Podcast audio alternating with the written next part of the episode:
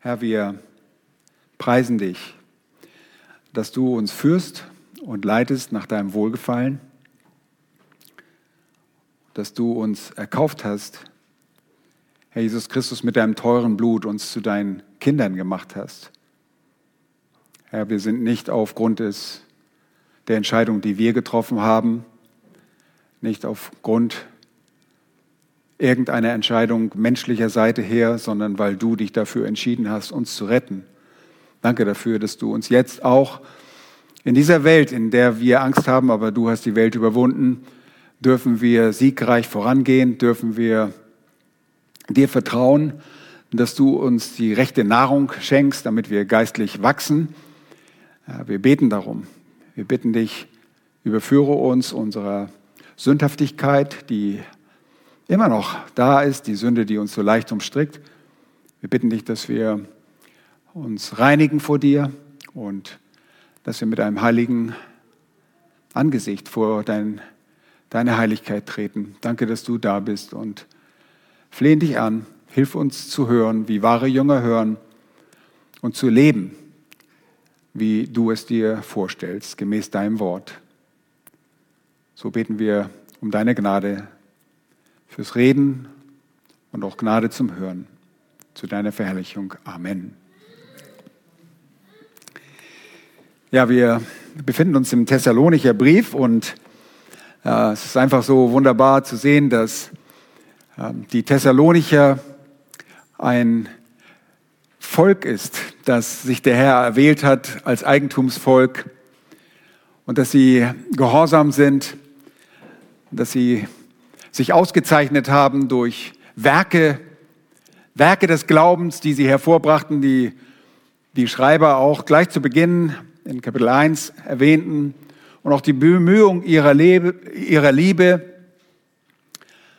die da war, die auch deutlich von ihrem Glauben zeugte. Und sie waren auch voller Hoffnung, Hoffnung auf den Herrn Jesus Christus. Und deshalb waren sie standhaft im Ausharren, in all den Bedrängnissen, die sie jetzt erlebten, als solche, die zu Gott gehörten. Sie lebten in einer feindseligen Gesellschaft, einer Gesellschaft, die Gott nicht zum Mittelpunkt hat, ist eine feindselige Gesellschaft, eine gottfeindselige Gesellschaft.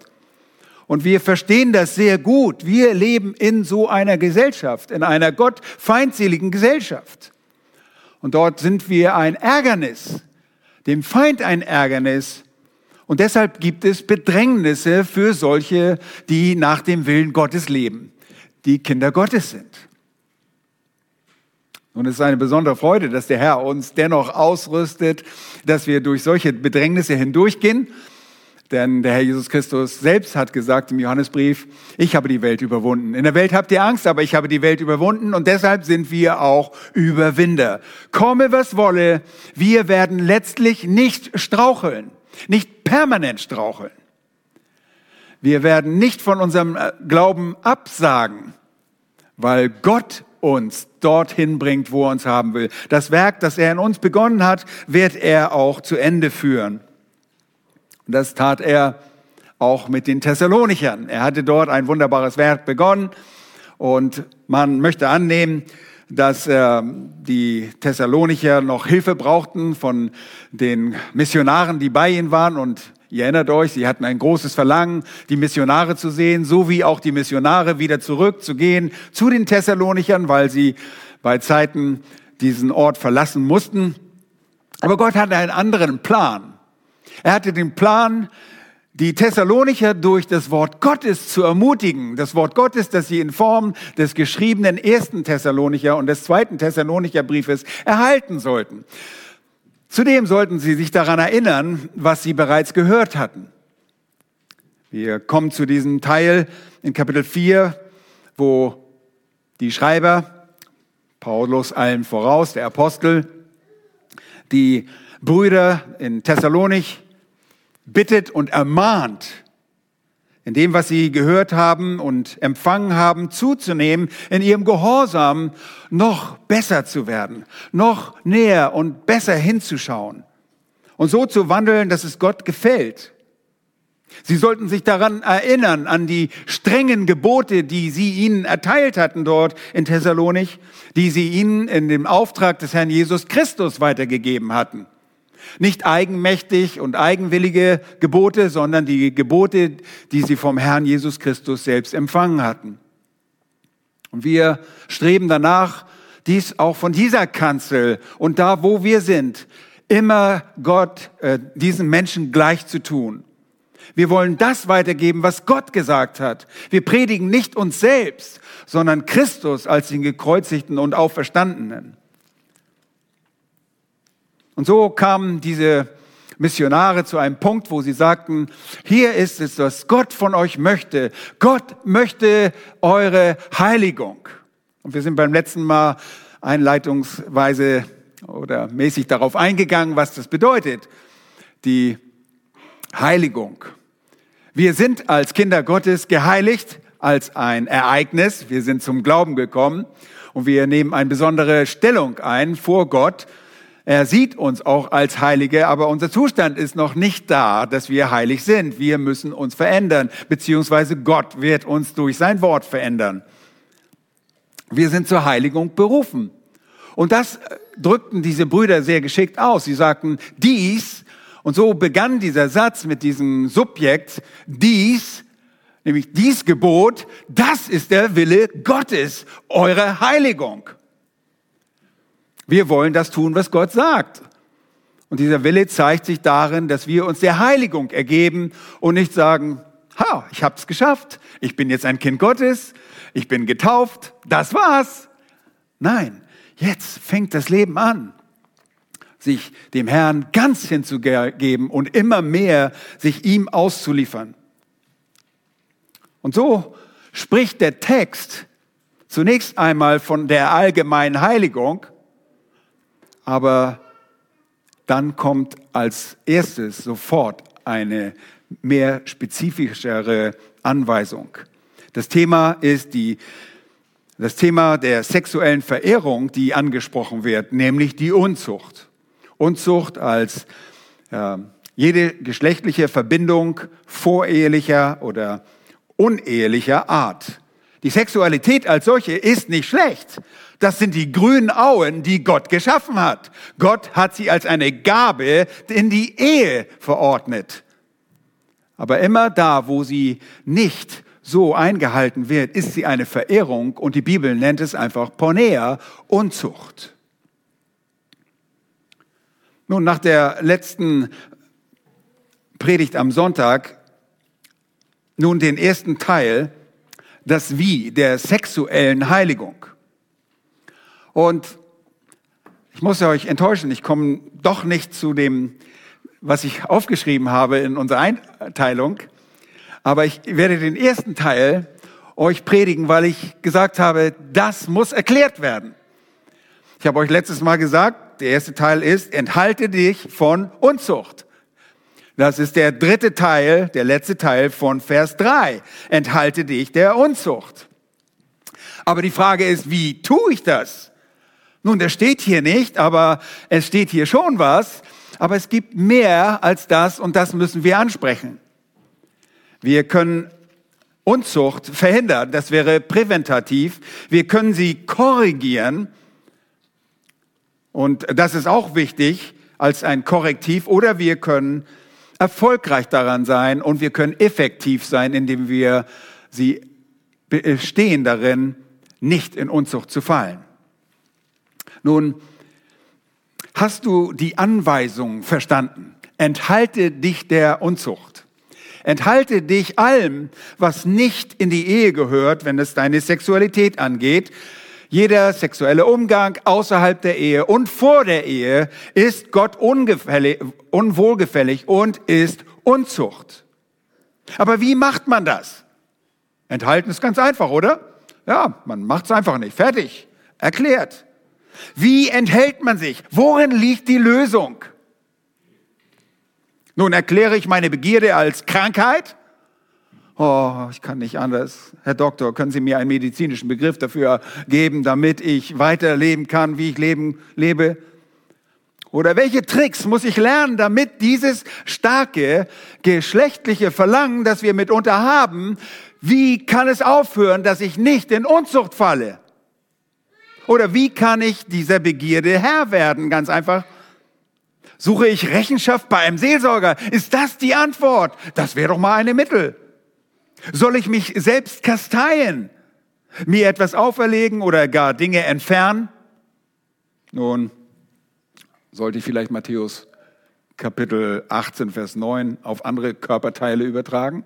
Da heißt es, wenn dein Auge für dich ein Anstoß zur Sünde wird, so reiß es aus und werf es von dir. Es ist besser für dich, dass du einäugig in das Leben eingehst, als dass du zwei Augen hast und in das höllische Feuer geworfen wirst. Sollten wir das anders übertragen? Nun, es gab Mönche, die haben das getan. Und irgendwie hatte sich ihre Stimme verändert. Oh, das war ganz komisch. Nein, das ist nicht die Lösung. Das ist nicht die Lösung. Hier wird davon gesprochen, dass wir radikal sein müssen. Radikale Maßnahmen ergreifen, damit wir nicht der Unzucht verfallen. Nun, Paulus schreibt zu dieser unzüchtigen Gemeinde, die in Unzucht war, in 1. Korinther 6, dass etliche von euch solche gewesen sind, Unzüchtige. Sind wir, wenn wir in Unzucht fallen, Unzüchtige? Werden wir als solche charakterisiert? Nein, wir sind nicht Unzüchtige. Wir sind Kinder Gottes, aber wir wollen überhaupt keine Unzucht mehr.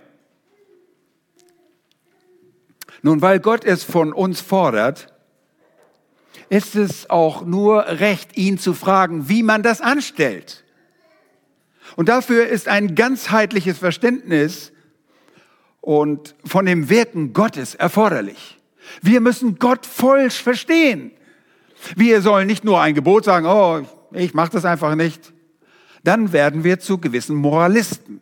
Wir können eine Moral verkündigen und wir dürfen das nicht, wir dürfen das nicht, wir dürfen das nicht anfassen, wir dürfen jenes nicht anfassen. Dann werden wir zu Moralisten. Wir wollen belehrt werden, warum wir Dinge nicht tun und warum wir das nicht wollen. Erinnert euch an die letzte Predigt. All diese Gebote sind nicht dafür gegeben worden, um uns den Spaß zu verderben, Salz in die Suppe zu streuen, sondern Gott will immer das Beste für uns. Und dafür brauchen wir ein ganzheitliches Verständnis für das, was Gott tut. Und da reichen nicht ein paar, paar Prinzipien, die ich irgendwie auswendig lerne und die ich dann schnell aus der Tasche hole, wenn ich in Gefahr bin. Um Gott zu gefallen, brauchen wir immer auch ein paar, seinen ganzen Ratschluss, nicht nur selektiv ausgewählte Verse. Wir brauchen sein Wort und das Verstehen dafür. Es gibt keine Magik, es gibt kein Magic, kein Zauber, der dich reinhält. Ja, du sprichst nicht einfach die Formel, Herr, bewahre mich heute vor allen sündhaften Gedanken. Ist das gut? Ja, auf jeden Fall. Das ist ein Teil davon, aber das ist nicht genug. Lasst uns einmal schauen, wie können wir uns der Unzucht enthalten? Was sind Maßstäbe, die Gott uns gibt? Wie können wir dieser Sache Herr werden und anderen Dingen auch? Schlag dazu bitte Psalm 119 auf. Und zwar bei den zweiten Absatz. Bet steht da drüber. Das hat nichts mit Beten zu tun. Das ist das Bet, das hebräische Alphabet, Aleph, Bet und Gimmel, Dalet und so weiter. Nein, Bet ist der zweite Teil. Und ich möchte an euch anhand dieser acht Verse in diesem Abschnitt Bet zeigen. Jeder Vers fängt nämlich mit diesem hebräischen Buchstaben Bet an. Deshalb steht da Bet darüber. Ich möchte euch zeigen, wie man gemäß Gottes Wort lebt. Und das ist das allererste. Schaut mal, wie wird ein junger Mann seinen Weg unsträflich gehen? Hört ihr das auch da hinten? Junger Männer, ab zwölf ist man ein Mann. Also, wie wird ein junger Mann seinen Weg unsträflich gehen? Nun, was ist die Antwort? Indem er ihn bewahrt nach deinem Wort. Hm. Was setzt es voraus? Gehorsam. Du musst diesen Weg erkennen und dann musst du ihm gehorchen. Gehorche dem Wort Gottes. Das habe ich beim letzten Mal gesagt. Das müssen wir tun. Du kannst erkennen, was Gott will, das ist der Wille Gottes, und dann kannst du dir überlegen, was mache ich mit diesem Willen Gottes? Gehorche ich ihm oder drehe ich mein eigenes Ding?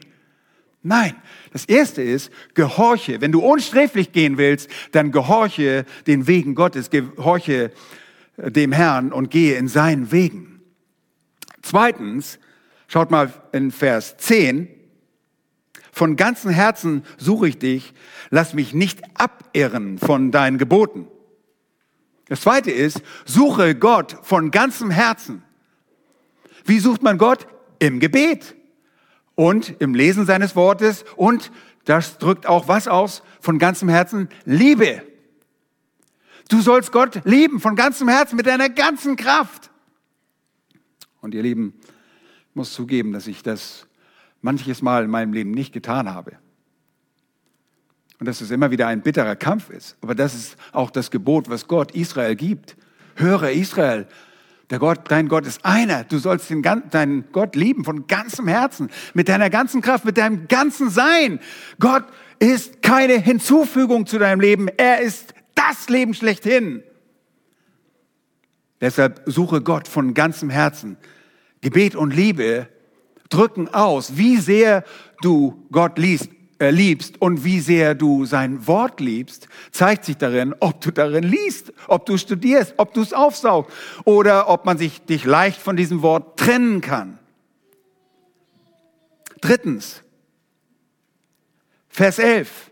Ich bewahre dein Wort in meinem Herzen, damit ich nicht gegen dich sündige. Und das ist nicht nur, dass wir einzelne Verse auswendig lernen. Ich glaube, das kann man falsch verstehen, sondern es geht um das Ganze, was wir lernen sollen. Wir sollen das ganze Wort kennen. Wir sollen den Ratschluss Gottes kennen. Oh ja, einzelne Verse auswendig lernen. Ich bin sehr dafür, das erinnert euch daran, was wir tun sollen. Lerne das Wort Gottes auswendig, aber lerne das Wort Gottes. Lerne nicht nur das Wort Gottes einzeln auswendig, hier und da, dass du es nicht mehr zusammenfügen kannst. Das können Zeugen Jehovas auch. Die können auch einzelne Verse hier und da rausziehen, aber die verstehen nichts von der Schrift. Absolut nichts. Keine Zusammenhänge. Die sind einfach nur einer Gehirnwäsche ausgeliefert worden und deshalb rufen sie, berufen sie sich auf die Bibel, nennen sich sogar noch Bibelwissenschaftler. Nun, lern das Wort Gottes und einige Stellen sogar auswendig. Bewahre dein Wort bewahre sein Wort in deinem Herzen. Dann viertens, lass dich von Gott aus seinem Wort belehren. Das ist Gottes Belehrung. Da heißt es, gelobt seist du, Jahwe, lehre mich deine Anweisung. Okay, wie wird man belehrt? Man liest das Wort Gottes, man studiert selbst, aber man geht auch dorthin, wo man belehrt wird. Gott hat Lehrer gegeben und das geschieht in der Gemeinde. Du kannst nicht belehrt werden, wenn du nicht in der Gemeinde bist. Wenn du nicht an den Lehrveranstaltungen der Gemeinde teilnimmst, bist du nur begrenzt belehrbar. Es ist Gott sehr wichtig, dass wir belehrt werden und dass du das aufnimmst, was gelehrt wird. Und das ist letztlich das Lehren durch Gott, Jahwe. Das sind seine Worte. Wir lehren sein Wort.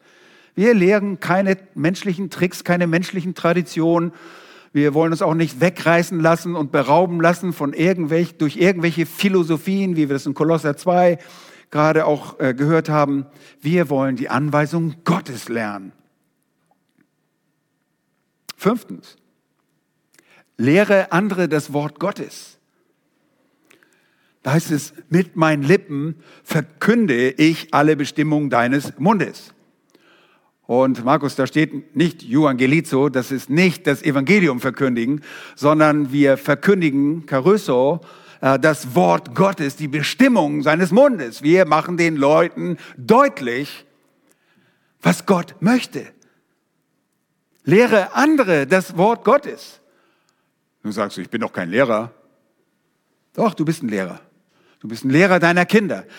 Bring deinen Kindern bei, was das Wort Gottes sagt. Zeige deinen Kindern, was es heißt, sich zu disziplinieren und Gott zu gefallen. Lass Dinge nicht durchgehen. Auch wenn das Arbeit und Mühe ist, sage deinen Kindern, sie müssen Gott gehorchen. Sage deinen Kindern, sie brauchen das Wort Gottes. Mach das von Anfang an sehr deutlich in deinem Leben deinen Kindern gegenüber. Nun, natürlich muss man sich zunächst erst selbst belehren. Ich muss immer bei jeder Predigtvorbereitung sagen, oh, das ist für mich, das gilt mir. Und dann kann ich es anderen lehren, anderen das beibringen. Und dann sechstens, freue dich daran, den Weg des richtungsweisenden Wort Gottes zu gehen. Schätze ihn als dein Gewinn. Da heißt es in Vers 14, ich freue mich an dem Weg, den deine Zeugnisse weisen, wie über lauter Reichtümer. Oh Leute, wir sind manchmal so einfältig. Wir, wir lassen uns durch irgendwelche materiellen Geschenke und sitzen da und bestaunen die Dinger und oh, guck mal, was ich gekriegt habe. Wie schön. Wisst ihr was? Wir sollen uns an den Wegen Gottes erfreuen. Das ist die wahre bleibende Freude. Ich freue mich an deinem Weg, sagt der Psalmist. Und dieser Weg ist ein Weg, dass wir sagen, wir enthalten uns der Unzucht. Du darfst dich hinterher freuen und sagen, ich habe mich enthalten. Ich habe Gott keine Unehre bereitet. Und wenn du es getan hast, dann hast du Buße getan darüber. Dann bist du wieder rein in seinen Augen. Aber beende das Leben in Unzucht und lass es nie an dich herantreten. Siebtens, meditiere über das Wort Gottes. Ich bin immer geneigt, ein Dativ zu nehmen, aber das ist, äh, meditiere über das Wort Gottes, ja. Trainingsgesinnung, das ist, ich will, heißt es dort in Vers 15, ich will über deine Befehle nachsinnen und auf deine Pfade achten. Wisst ihr, es ist nicht getan, wenn wir das Wort Gottes lesen und unser Gewissen vielleicht auch ein bisschen beruhigen und sagen, oh, ich habe heute meine Bibel gelesen, ich habe meine stille Zeit gemacht, kann die Bibel direkt lesen und habe ein, guten, gutes Gefühl für den Tag. Oh, ich habe ja heute gelesen, Mann, bin ich toller Echt. Oh, klasse. Nein, die Schrift fordert uns auf, darüber nachzusinnen. Wir haben schon mal darüber geredet. Du kaufst du irgendein tolles Teil, ja, was weiß ich immer. Männer kaufen sich immer Dinge, ne? Und äh, bevor sie was kaufen, da rennen sie dann rum und gucken von oben und von unten. Und oh, ist das so? Wo kann ich das noch günstiger kriegen? Und was ist da alles drin? Was sind die technischen Gegebenheiten? Und nachts träumt man schon davon. Und als erstes wachst du auf. Und ist das immer heute ist ein besseres Angebot? Und hier kann ich es noch günstiger. Ihr wisst, wie das ist. Sinne so über dem Wort Gottes nach, das Wort Gottes nach. Nimm das Wort Gottes und stell Fragen an den Text. Stell Fragen danach, wie du die Pfade Gottes besser beachten kannst. Ich, über, ich will über deine Befehle nachsinnen. Warum sagt Gott mir das hier? Warum soll ich das tun? Und dann will ich auf deine Pfade achten. Achtens. Und du denkst, das hast du doch gerade gesagt. Nein, freue dich am Wort Gottes. Vorhin, sechster Punkt war, freue dich daran, den Weg des richtungsweisenden Wort Gottes zu gehen. Freue dich an dem Weg, aber freue dich auch am Wort Gottes. Gefallen am Wort Gottes. Ich habe meine Lust, Vers 16, an deinen Anweisungen. Dein Wort vergesse ich nicht. Lieben, das, was wir im Wort Gottes lieb gewonnen haben, das, was du von Herzen lieb hast, das vergisst du nicht.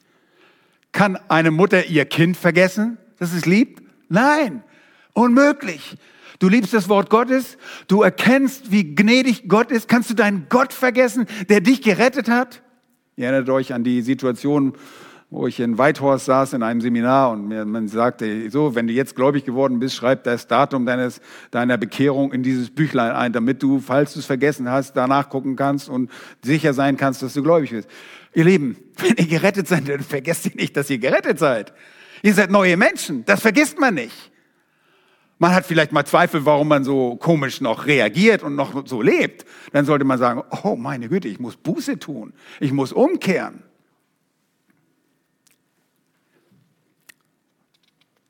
Nun, hier zeigt nur an, anhand einiger weniger Verse aus der Schrift, was Gott dazu sagt.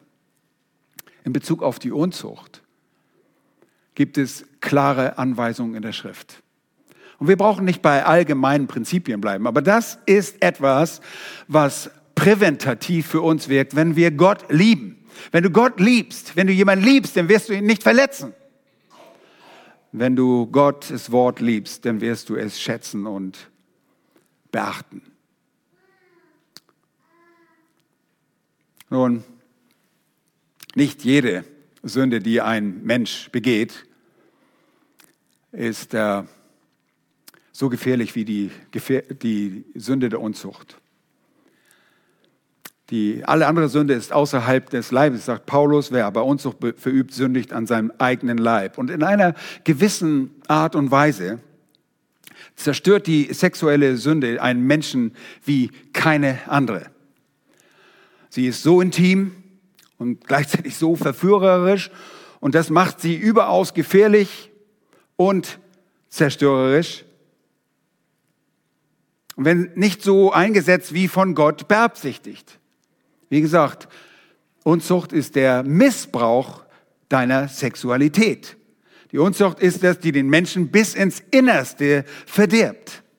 Aber nicht nur innerlich, wo man das nicht sofort sieht, sondern Paulus spielt in dem Kontext, wo er das anspricht, im, im Korintherbrief, und Korinth war sehr unmoralisch, er spricht den Korinthern aller Wahrscheinlichkeit nach auf eine grassierende, auf grassierende Geschlechtskrankheiten an.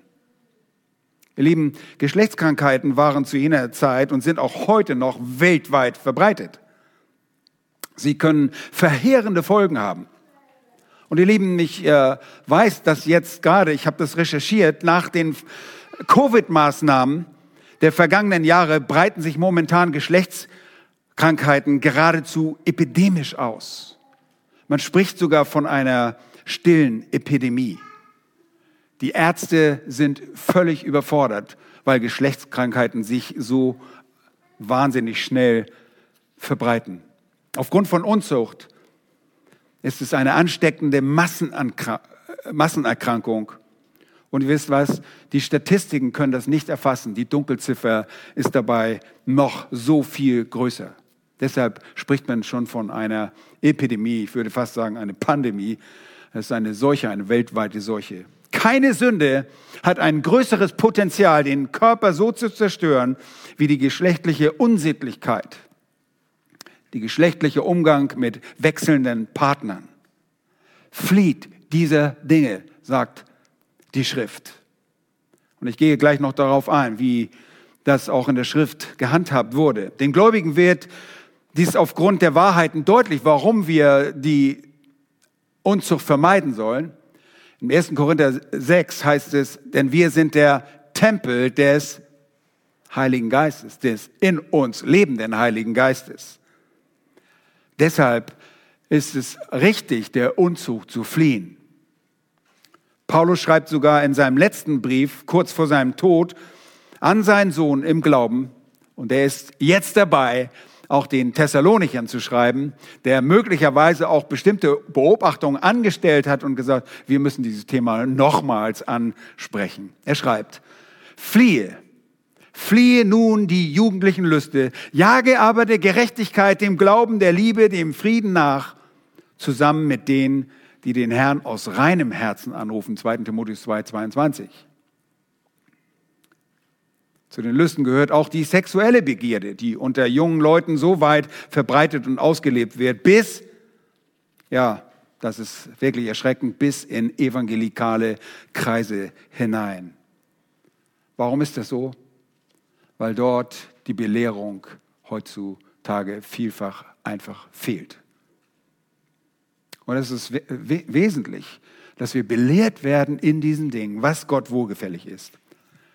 Nun, wir haben in der Schrift Beispiele dafür, was es heißt, der Unmoral und dieser Unzucht zu fliehen.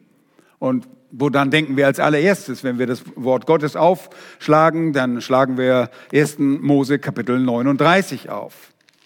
Und ihr erinnert euch an einen jungen Mann namens Josef. Und der, dieser Mann kam als Sklave, als verkaufter Sklave zu, seinen, zu einem Volk der Ägypter. Und er wird dort am Hause eines gewissen Potiphars, ein Kämmerer des Hauses, der der Oberste der Leibwache des Pharao war, der hatte ihn aus der Hand der Ismaeliter erworben und in sein Haus gebracht und über alles gesetzt. Und ihr erinnert euch, die Frau des Potiphars, wenn ihr Mann außer Haus war, machte sich an diesen Josef heran. Und sie versuchte sich an diesem jungen Mann. Da heißt es in Vers 7, Kapitel 39, Vers 7, es geschah aber nach diesen Begebenheiten, dass die Frau seines Herrn ihre Augen auf Josef warf und zu ihm sprach, lege dich zu mir. Hm. Er aber weigerte sich und sprach zu der Frau seines Herrn, siehe, mein Herr verlässt sich auf mich und kümmert sich um nichts, was im Haus vorgeht, und hat alles in meine Hand gegeben, was ihm gehört. Es ist niemand größer in diesem Haus als ich, und es gibt nichts, das er mir enthalten hätte, ausgenommen dich, weil du seine Frau bist. Aber hört mal genau zu, was Josef begriff an dieser Stelle. Wie sollte ich nun eine so große Missetat begehen und gegen Gott sündigen? Jede Sünde, die Sünde der Unzucht ist immer in, ersten, in erster Linie eine Sünde gegen Gott. Und dann heißt es weiter in Vers 11, in Vers 10, und obwohl sie ihm Tag und Nacht zuredete, hörte er doch nicht auf sie, dass er sich zu ihr gelegt oder sich an ihr vergangen hätte. Es geschah aber an einem solchen Tag, als er ins Haus kam, und, um seine Arbeit zu tun, und niemand von den Leuten des Herrn Hauses anwesend, dass sie ihn bei seinem Obergemach ergriff und zu ihm sprach, lege dich zu mir. Er aber ließ das Obergewand in ihrer Hand und floh und lief hinaus. Das ist es ganz praktisch, was es heißt, der Unzucht zu fliehen, eine Entschlossenheit zu zeigen, diese Dinge, sich in diesen Dingen nicht zu versündigen. Und dazu gehört, dass wir uns präventativ, dass wir vorsorglich keine solche Gedanken in unseren Köpfen haben. Unzucht beginnt nicht, weil man mal die Gelegenheit hat, weil irgendeine Frau neben dir herumläuft, sondern weil du Gedanken hegst in deinem Kopf, die in die falsche Richtung gehen. Dieser Gedanken musst du Herr werden. Und was ist es, die Antwort? Was haben wir gehört? Fülle deine Gedanken mit was? Mit dem Wort Gottes. In deinem Kopf ist ein Vakuum und dieses Vakuum muss gefüllt werden. Immer. Es saugt sich immer irgendwas anderes rein sonst. Entweder andere Vorstellungen von dem, wie du dein Leben selbstständig leben kannst, oder du folgst den Wegen Gottes. Nun, das Ermutigen dabei ist, dass es nur menschliche Versuchungen für uns jeden gibt. Da heißt es in 1. Korinther 10, Gott ist treu. Er wird nicht zulassen, dass ihr über euer Vermögen versucht werdet, sondern er wird zugleich mit der Versuchung auch den Ausgang schaffen, sodass ihr sie ertragen könnt. Wir müssen den Impulsen unseres Fleisches nicht folgen. An anderer Stelle oder gleich danach heißt es dann auch, darum, meine Geliebten, flieht vor dem Götzendienst. Und das ist ein, eine Art Götzendienst, wenn du einem Götzen das gibst, was, was, du, was du dir vorstellst. Paulus fordert die Christen in Rom auf und er sagt dort in Kapitel 13, sehr wichtig. Das sind äußerst wichtige Verse. Ich wünschte, dass ich sie immer in meinem Leben beherzigt hätte. Da heißt es in Kapitel 13, Vers 13 und 14, lasst uns anständig wandeln wie am Tag, nicht in Schlemmereien und Trinkgeladen, nicht in Unzucht und Ausschweifung, nicht in Streit und Neid, sondern zieht den Herrn Jesus Christus an. Und das ist noch nicht fertig.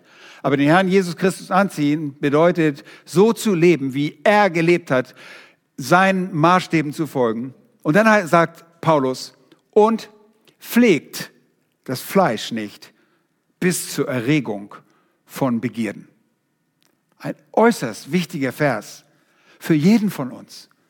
Glaubt nicht, dass der, die sexuelle Begierde nur ein männliches Problem ist. Oh, ich habe schon viel gehört, dass Frauen damit genau solche Probleme haben. Geh ganz praktisch allen Situationen und Dingen aus dem Weg, die dein Fleisch zur Erregung von Begierden erweckt. Situationen, die dein Fleisch erwecken, muss das heißen, ja. Geh nicht in Situationen, wo du weißt, das wird gefährlich.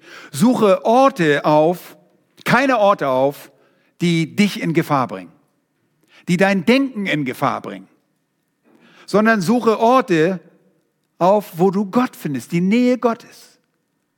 Das ist die Gemeinde, das sind gläubige Freunde, das ist das Wort Gottes, das ist der direkte Ort im Gebet mit Gott. Und bete, wie der Psalmist später im Psalm 119, Vers 117 sagt, stärke du mich, stärke du mich, so ist mir geholfen und ich werde deine Anweisung stets beachten.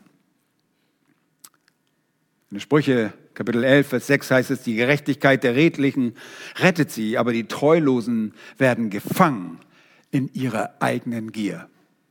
Ihr Lieben, sexuelle Begierden können zu einer Sklaverei werden. Wenn wir uns bestimmten Dingen hingeben, werden sie zu einer Sklaverei. Sie versklaven uns. Wir gehen wie ein Ochse zur Schlachtbank, wenn wir uns versklaven lassen. Deshalb suche das Angesicht Gottes. Präventativ. Meide Orte. Und ich meine nicht nur physisch, auch virtuelle Orte. Und ich weiß nicht, ihr Lieben, ich bewundere euch junge Leute, aber ihr seid in einem sehr herausfordernden Zeitalter des Internets. Ich hatte kein Internet, preis den Herrn. Aber meidet diese virtuellen Orte der Unzucht und Dinge, die euch anreizen, die das Fleisch pflegen zur Erregung von Begierden. Und es kann ein Strandbad sein, wo du sagst, ich vermeide dieses Strandbad, weil ich mich meinen Augen, mit meinen Augen diesen Dingen nicht aussetzen will. Lass dich um diese Entscheidung ruhig verspotten. Lass dich verspotten. Du wirst durch dein für Gott abgesondertes Leben Lob von Gott selbst empfangen. Im Epheserbrief sagt Paulus, das sage und bezeuge ich nun im Herrn, dass ihr nicht mehr so wandeln sollt wie die übrigen Heiden, wandeln in der Nichtigkeit ihres Sinnes, deren Verstand verfinstert ist. Unser Verstand wird jetzt belehrt. Er wird jetzt gerade belehrt darüber, was richtig ist. Sie haben einen verfinsterten Verstand. Und die ihr aus so einem Leben herausgekommen seid, die Gott herausgerettet hat aus so einem Leben. Ihr wisst, wovon ich spreche. Sie sind entfremdet dem Leben Gottes wegen der Unwissenheit, die in ihnen ist. Aber das ist keine neutrale Unwissenheit, sondern das ist eine unmoralische Unwissenheit. Sie ist in ihnen wegen der Verhärtung ihrer Herzen.